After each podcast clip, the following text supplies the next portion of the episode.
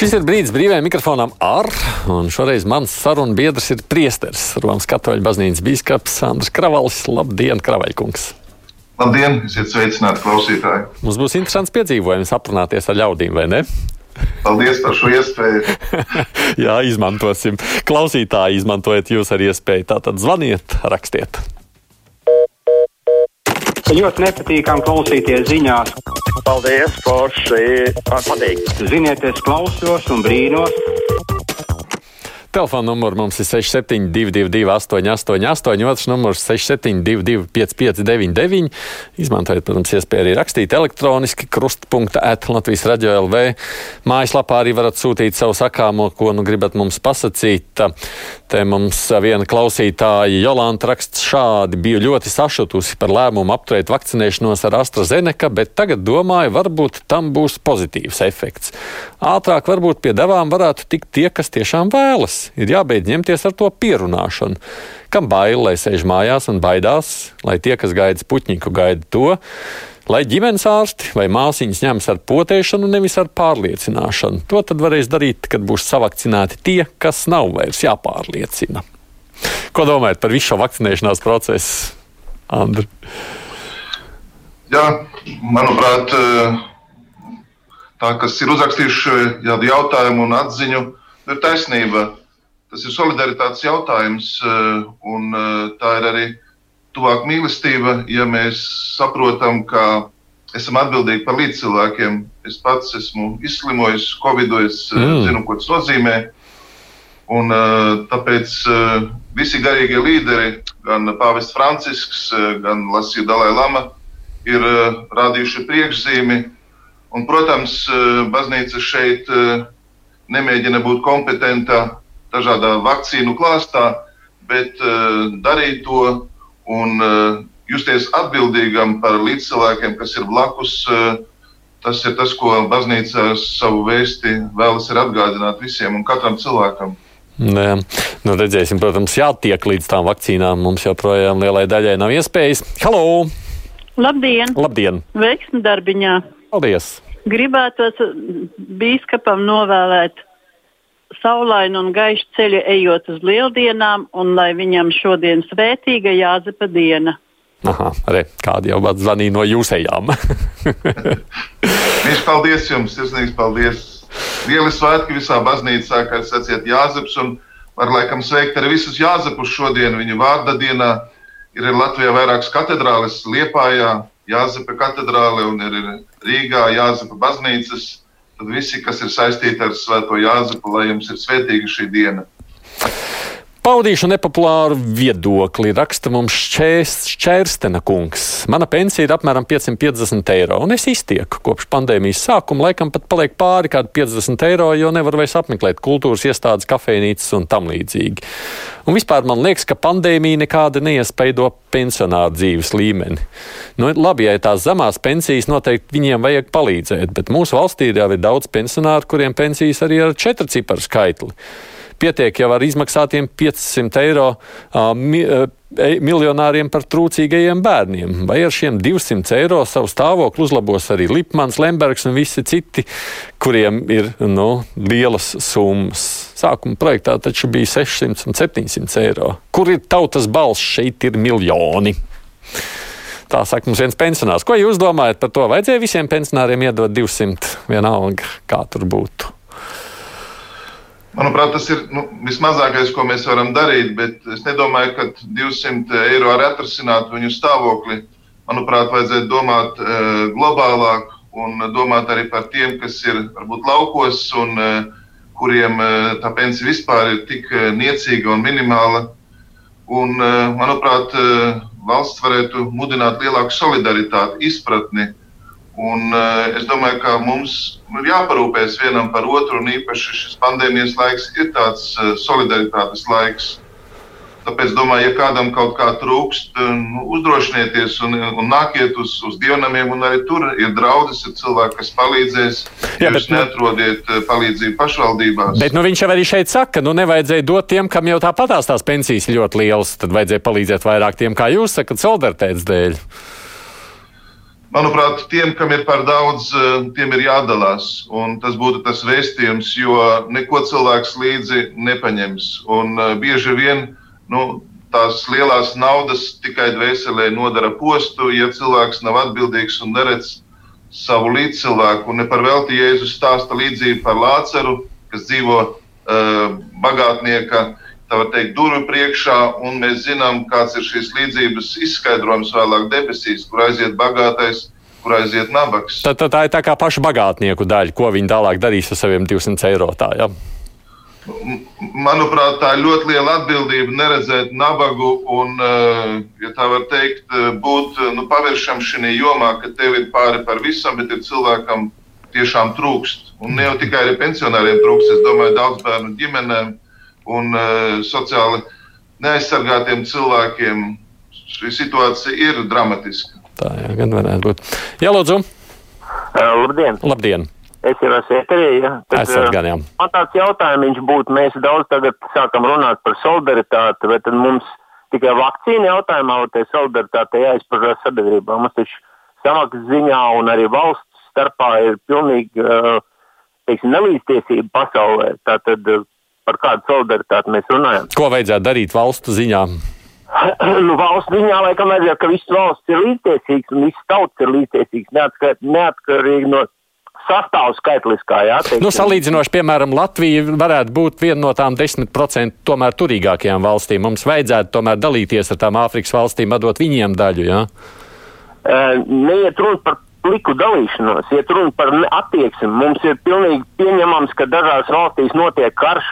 Uh, teiksim, kur, kur, kur starp citu arī uzrūko, uzrīko tie paši bez viņa ziņas, kas nav drukā, nenotiek nekāda vakcinācija, ne kari.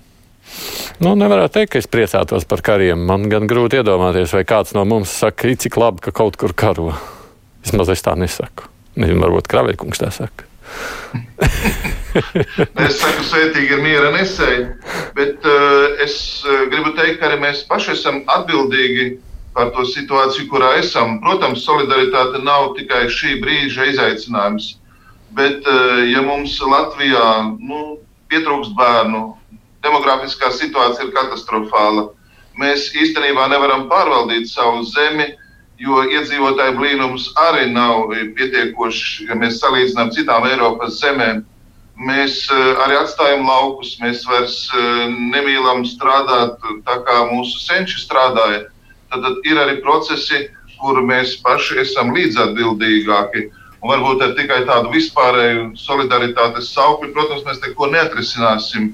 Bet, ja mēs e, jutīsimies vairāk atbildīgi tur, kur mēs esam, ja nebaidīsimies e, strādāt, ja nebaidīsimies redzēt otra cilvēka vajadzības, paļauties, un, e, manuprāt, nu, baznīcas tas vēsts, vēstījums nav tik daudz, būsim solidaritāti, bet būsim nu, atbildīgi, redzēsim savu tuvāko un arī cerēsim, ticēsim un paļausimies.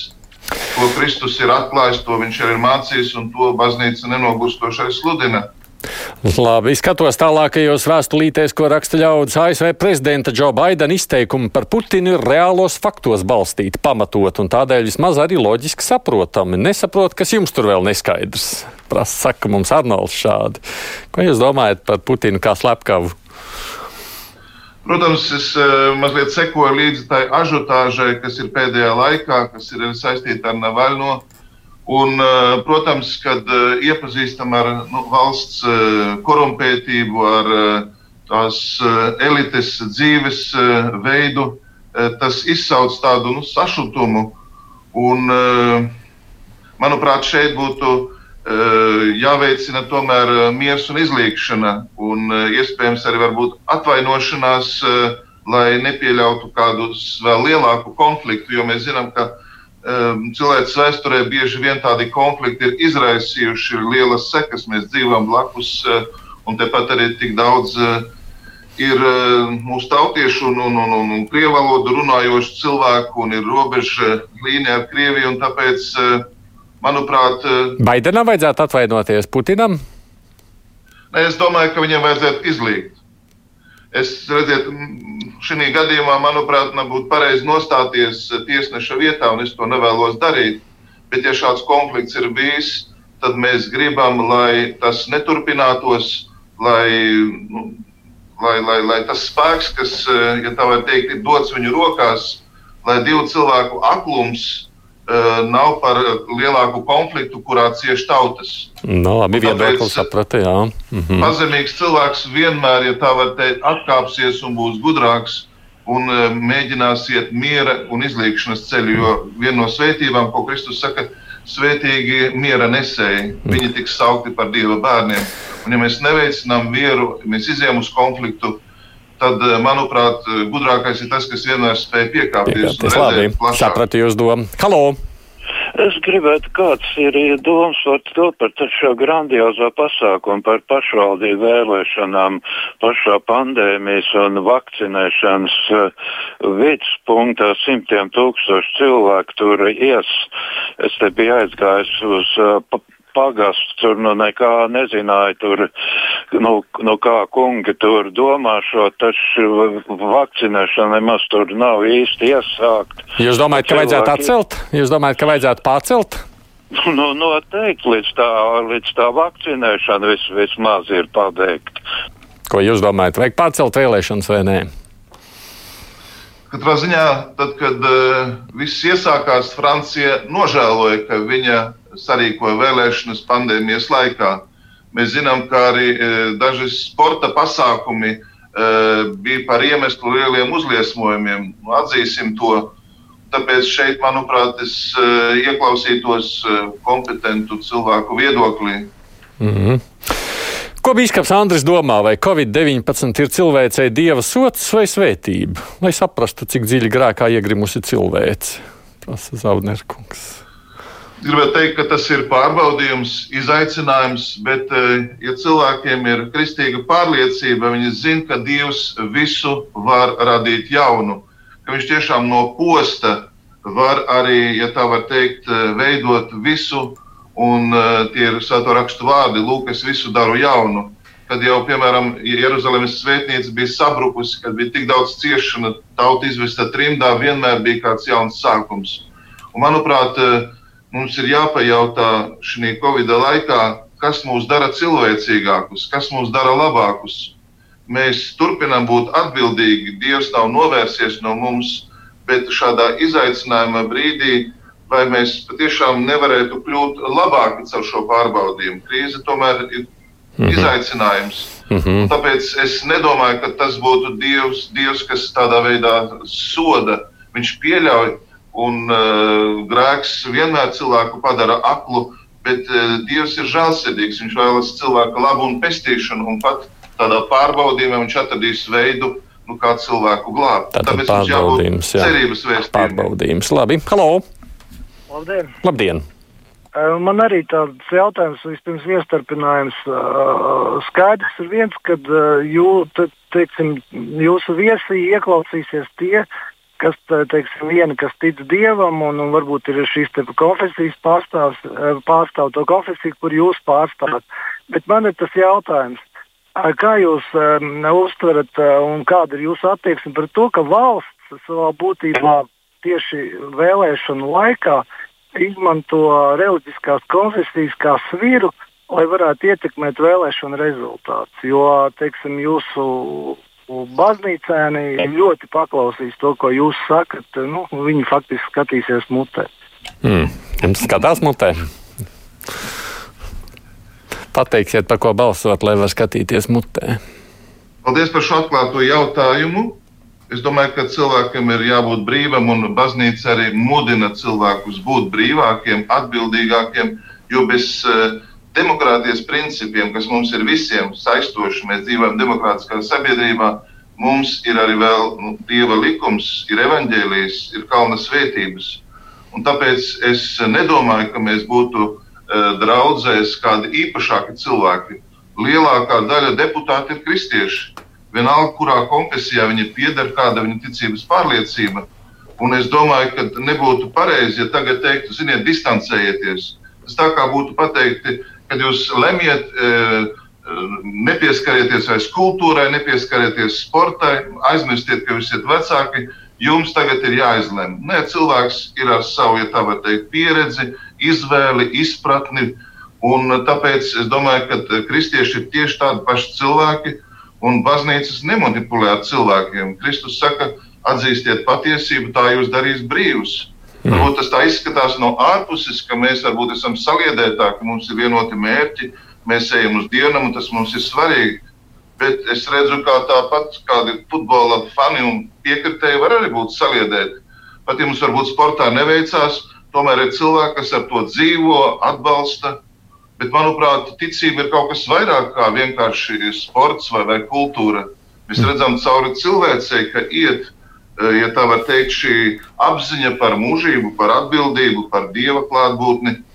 Un tāpēc es eh, īsti nepiekrītu, ka mēs eh, manipulējam vai, vai, vai norādām uz kādu vienu vai citu partiju. Tas, ka deputāti varbūt nāk uz dienamu, tas nebūtu viņiem tas jāpārmet. Viņi, viņi mācās, viņi vismaz pilnveidojās caur Dieva vārdu likumu.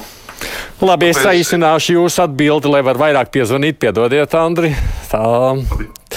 Marija saka šādi, kad jūs beigsiet raidījumā kruspunktā slavināt un apspriest tādus jautājumus kā eitanāzija? Vai esat padomājuši, ka to skatās un klausās jaunieši, kam ir paaugstināta interese par nāvi, un viņi iedvesmojas no šādiem raidījumiem? Mums vakar bija diskusija par eitanāziju, taisnība. Tur arī bija viens no mācītājiem, bet vispār mums bija tāda vispār cilvēciska diskusija. Ne par eitanāzijas viedokli jums prasot, jo um, baznīca jau ir izteikusi viedokli. Vajag par tādām lietām vispār apspriest vai nevajag, kā jums šķiet, Kravaļkungs? Manuprāt, ja jūs uzaicinat mācītāju, garīdznieku, tad tas nozīmē, jūs rīkojaties gan demokrātiski, gan uh, mēģiniet šo jautājumu izgaismot. Bet nebūtu pareizi, ka vispār izslēgtu baznīcu kā tādu, kas tagad nav saistīta ar demokrātiju vai nemeklētu kopējo labumu. Manuprāt, cilvēkiem nu, tiešām ir izpratne, ka nu, izdarīt galu, lai kādā formā tas arī nebūtu, nu, tas ir pretrunā ar cilvēka cieņu un, un respektu. Un īpaši jautājums, kāpēc tagad? Nu, pandēmijas laikā ir jāpaceļ šis jautājums. Vai tur kādi nemēģina mazliet kaut ko caur nu, šo situāciju nu, iegūt vai panākt? Nu, paraksts Manuprāt, savāds. Cilvēki vāc, man liekas, diezgan ilgi, pāris gadus vāc tos parakstus, kamēr savāc. Tā nu sakrit šoreiz ar to pandēmiju. Tā savukārt ir tāda mana piebilde par to, kāpēc tieši šajā laikā tas tā ir sanācis. Bet es ceļu klausulu, nesanāca man pacelt klausulu vienu, ceļu otru. Jā, lūdzu! Labdien! Labdien. Tātad lūdzu vai tad šizēste, vai vīrus savs pa visu pasauli arī nav karš zināmā mērā. Karš ar ko? Tauta tiek iznīcināta. Oh, vīrus. Nu, ko kundze sacīja, nu, to saka jau ir pavests, kad uh, ir iesācies karš, un tas ir karš. Ja, tad, karš ar vīrusu? Nē, nē, tas ir īstenībā karš, kas uh, noris, ja tā var teikt, uh, jo Jūs pats tikko sacījāt, ka ir šī lielā atšķirība starp bagātiem un nabagiem, starp valstīm, kur cilvēki nevar palikt, kur viņi ir spiesti doties bēgļu gaitās. Un šo spriedzi mēs pasaulē redzam arī, arī ekoloģijā. Mēs redzam, ka esam visi skarti, redzam, kā tiek uh, visas bagātības tas, jā, jā, nē, bet tā klausītāja, tā kā klausītāja sacīja, ka viss vīrus, šī vīrusa šovs ir šobrīd kļuvis par karu. Šo. Man liekas, ka vīrus ir tomēr realitāte un nevajadzētu to arī noliegt vai tikai redzēt tādas sazvērestības teorijas. Jautājums, kā mēs tiekam pāri šim pārbaudījumam, ja? un kādi mēs būsim pēc tam, kad, eh, kad tas beigsies, vai mums nebūs kauns par atsevišķiem lēmumiem. Tomēr nu, cilvēki arī mirst, un, un, un vīrus ir arī lipīgs, un eh, nebūsim arī pavirši, un varbūt tie, kas ir izslimojuši, nu, patiešām var arī tad, tad liecināt un pateikt, nu, ka, tā, ka tas nav kaut kāda viltus ziņa. Iveta saka tikai paldies, te būs replika no viņas. Tikko 500 eiro par bērnu man ieskaitīja. Godīgi saku, tas ir ļoti labi. Varēšu bērnam mūzikas nodarbībās vairāk nopirkt.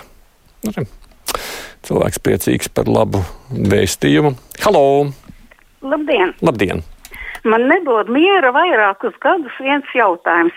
Jāņa baznīcā bija kora koncepts. Un tad, kad sāka dziedāt e, tēvu reizi, es un viena kundze man priekšā piecēlās kājās. Bet jūs zināt, tik slikti. Kamēr izpildīja tēva reizi, es tik slikti jutos, ka es jums nevaru pateikt. Kāpēc jūs jutāties slikti? pusbaznīca nosodīja par to, bet par ko es nevaru saprast. Nosodīja par to, ka jūs, par to, ka jūs piecēlāties vai ka jūs palikāt sēdus. Nesapratu. Tāpēc, ka es piecēlos Tāpēc, ka jūs piecēlāties. Bet, bet, bet es jūtu, ka man tie aizmugurē sēdošie nosoda, ka es pilnīgi jūtu ar savu muguru. Tāpēc, ka jūs traucījāt viņiem redzēt un baudīt to koncertu. Jūs piecēlāties kājās un aizmugurējāt palika neredzot tālāk vairs. Tā nav. Kraveļkungs, šis arī ir jautājums par to, ko mēs domājam par citiem. Ziniet, dažreiz, eh, kad ir eh, kori vai em, ansambļi, kas dzied, viņi dažreiz lūdz neaplaudēt baznīcā, jo lūdz, lai cilvēks varētu iet dziļāk, lai viņš ne tikai būtu klausītājs kādā sakrālā telpā, bet lai piedzīvotu lielāku tuvību. Un, manuprāt, ja jūs nu, piecelties kājās, jūs šajā brīdī paudāt savu ticības pārliecību, kurai varbūt tie pārējie klausītāji nebija īsti gatavi un sagatavoti. Jums uh, ir šis uh, nu, instinkts, uh, lūdzoties, nu, piecelties kājās, un tā ir pareiza attieksme. Un Es dažreiz līdzīgi sajūtos, kad es uz tēvreiz esmu spiests sēdēt, jo apkārt sēž. Tāpēc es jūs ļoti, ļoti labi saprotu, bet nepārdzīvojiet, nākiet uz dievkalpojumiem, un tur mēs nu, vienmēr uz tēvreiz ceļamies kājās. Anna prasa šādi, kā jūs uztverat mūsu valsts ierēģu nolaidīgo rīcību? Ko lai iesāk jaunais veselības ministrs ar vecu izkurtējušo veselības ministriju un tās darbinieku nožēlojumu attaisnošanos, kāpēc viņi nav iepirkuši vakcīnas? Vai tiešām tādiem darbiniekiem, jūsuprāt, ir vieta tik augstos amatos? Es mazliet vienmēr abrīnoju ministrus, jo viņi iet pilnīgi jaunās ministrijās, kolektīvos, jaunās attiecībās, kas prasa tik lielus izaicinājumus. Un dažreiz mēs, manuprāt, no viņiem prasām varbūt pārāk daudz. Bet uh, tas, ka mums ir ierēģu daudz, to es domāju, mēs procentāli salīdzinot ar citām valstīm arī redzam, ka mums ir ļoti liela tāda smaga struktūra ar daudzām institūcijām un ka varbūt tur varētu būt, eh, ja tā var teikt, jo bieži vien tie cilvēki, kas tur arī paliek, ministri nāk un iet, bet viņi turpina savu darbu, ka tur varētu būt kāda lielāka atjaunotne, atbildība, lielāka izpratne par notiekošo, un nebūtu tikai tā, nu es ierēdnis, saņemu savu algu un es izdaru savu darbu. Manuprāt, mm. tur klausītāji ir taisnība. Tikai noslēdziet radio, lai varat dzirdēt jūs. Es gribēju zināt, kāpēc vienreiz tas reklāmas nebeidzās. Televīzija un radio pilna reklāmām. Taču teica, ka galu galā reklāmas izņems. Es nedzirdēju nevienu reklāmu. Kur kādu reklāmu jūs dzirdējāt? Ko reklamēja? Reklamēja Madrets, reklamēja uh, medikamentus, No. ko reklamē. Nu, tas nozīmē, ka jūs visticamāk skatāties nevis sabiedrisko televīziju, bet komerces televīziju. Tas nenozīmē, ka reklāmas ir izņemtas no visām televīzijām ārā. Reklāmas ir izņemtas ārā tikai no Latvijas televīzijas pirmā un Latvijas televīzijas septītā kanāla. Vispārējie jau no reklāmām tikai pelna. Tā ir mana atbilde klausītājam. lai viņš zina. Jā, lūdzu, Jā, labdien! labdien! Radio, es jums izstāstu, radio, ne, šī, šī, šī, šitā baznīca, vispār baznīca sistēma ir ļoti liels biznes. A tā. Dabujāt. Bet ir jau baznīca, nu kā nauda jāpelna. Biznesa sanāk tur vai nesanāk? Es domāju, ka nu, man grūti iedomāties, kāds tur varētu būt bizness eh, un kam par labu tas viņš varētu nākt. Es domāju, ka gluži pretēji baznīcas uzdevums un sūtība ir eh, palīdzēt, ir, ja tā var teikt, atbalstīt. Es arī uzdošu pretjautājumu, kā dzīvo cilvēki atsevišķos rajonos, kas ir tik eh, lieli rajoni, kur nav baznīcu, uz kuriem cilvēki iet. Kāpēc cilvēki nevar uzcelt sev baznīcas, piemēram, nezinu, Mārupē, Ādažos, kāpēc tur vēl nav? Un, ja jūs domājat, ka baznīcā ir briesmīgi daudz naudas, tad viņi nedzīvo pāri par saviem līdzekļiem, bet tiešām arī cenšas kopīgiem spēkiem nu, ļaut, lai tur rodas dievnams, lai cilvēki var nākt, dzirdēt dievu vārdu, saņemt pestīšanu. Un, eh, manuprāt, Latvijā nav tā situācija, kas, kur eh, baznīca dzīvotu pāri par saviem līdzekļiem, jo tāpēc, no valsts mēs neko nesaņemam. Tādā nozīmē mums nav garīdzniekiem algas, un baznīca pastāv tikai uz ziedojumiem. Tāpēc runāt par kaut kādu biznesu, kur ir tikai ziedojuma princips. Ja? Tad es, piemēram, apkurinu savu baznīcu, es viņu izgaismoju. Par kādu biznesu jūs runājat? Tas ir saziedēt cilvēku naudu, un es nedomāju, ka mēs kādam nodaram pāri. Tie cilvēki, kas ir kopā, kas pieņem lēmumus, kas tādā veidā nu, cenšas īstenot uh, savu misiju, ko Kristus ir atstājis. Paldies! Jā, lūdzu! Uh, labdien. Labdien! Es tomēr piekrītu iepriekšējai runātājai, jo, ja es paskatos, ar kādām mašīnām brauc mācītāji un kādas mājas viņiem ir, tad man jāsaka tā, tās nabaga tantiņas, kas ziedo pēdējo kapeiku un pašādi sociālo pakuta mācītāji, visi šī brangi vīri noēdušies tā, ka prieks skatīties. Man te arī prasa par jūsu kaut kādu luksus auto, kā esot beidzies skandāls. Varat izstāstīt? Jā, man ir pašam 21 gadu vecs Volvo, ar kur es braucu. Man nav, ja tā var teikt, dzīvokļa vai mājas. Es dzīvoju tikai pie baznīcas telpās, kas man ir. Un, ja cilvēks ir nopircis par Vācijā dotiem līdzekļiem automašīnu, ko viņš ir pārrakstījis gan uz draugu, kā vēlāk to ieņēmuma dienas ir prasījis, es neredzu un nesaprotu īsti, par ko iet runa. Un tā nebija nekāda luksus mašīna. Mm. Tad, tad, protams, tā lieta ir beigusies, tās mašīnas vērtība, protams, bija novērtēta kaut kur uz 20 tūkstošiem, bet tā nebija luksus mašīna. Un tāpēc es domāju, ja jums gribās pārliecināties par to, kā baznīcas dzīvo, atnāciet, iepazīstināsim, parādīsim. Tāpat ir uh, gada, gada, ja tā var teikt, atskaites, kur mēs redzam ieņēmumus, un mēs tāpat kā visi pārējie cenšamies un esam, manuprāt, tikpat caurspīdīgi kā pārējie sabiedrības dara to mēģina darīt. Man šķiet, es vēl vienu klausulu varu pacelt. Halo! Labdien! Labdien. Es gribētu uzzināt, cienījamā mācītāja domas par sektu Kristus pasaulē. Esat gatavs komentēt citus baznīcas vai sektas, kā viņš sacīja. Tas, laikam, bija mācīts vadītājs. Jā, mēs varbūt cenšamies izvairīties no tāda vārda, lai neapvainot, ka viņi ir sekta.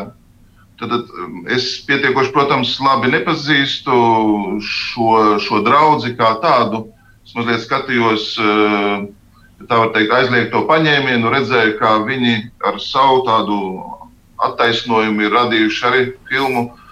Un uh, pazīst personīgi Mārcis Jensīti, kā es varu komentēt, manuprāt, tie cilvēki, kas e, veido draugu, kas cenšas radikālā veidā dzīvot saskaņā ar evaņģēliju, varbūt mēs neesam gatavi tādam izaicinājumam, kā viņi to redz.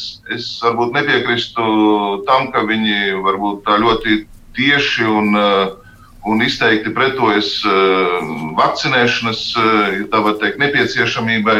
Tad visam es pilnā mērā nevaru piekrist.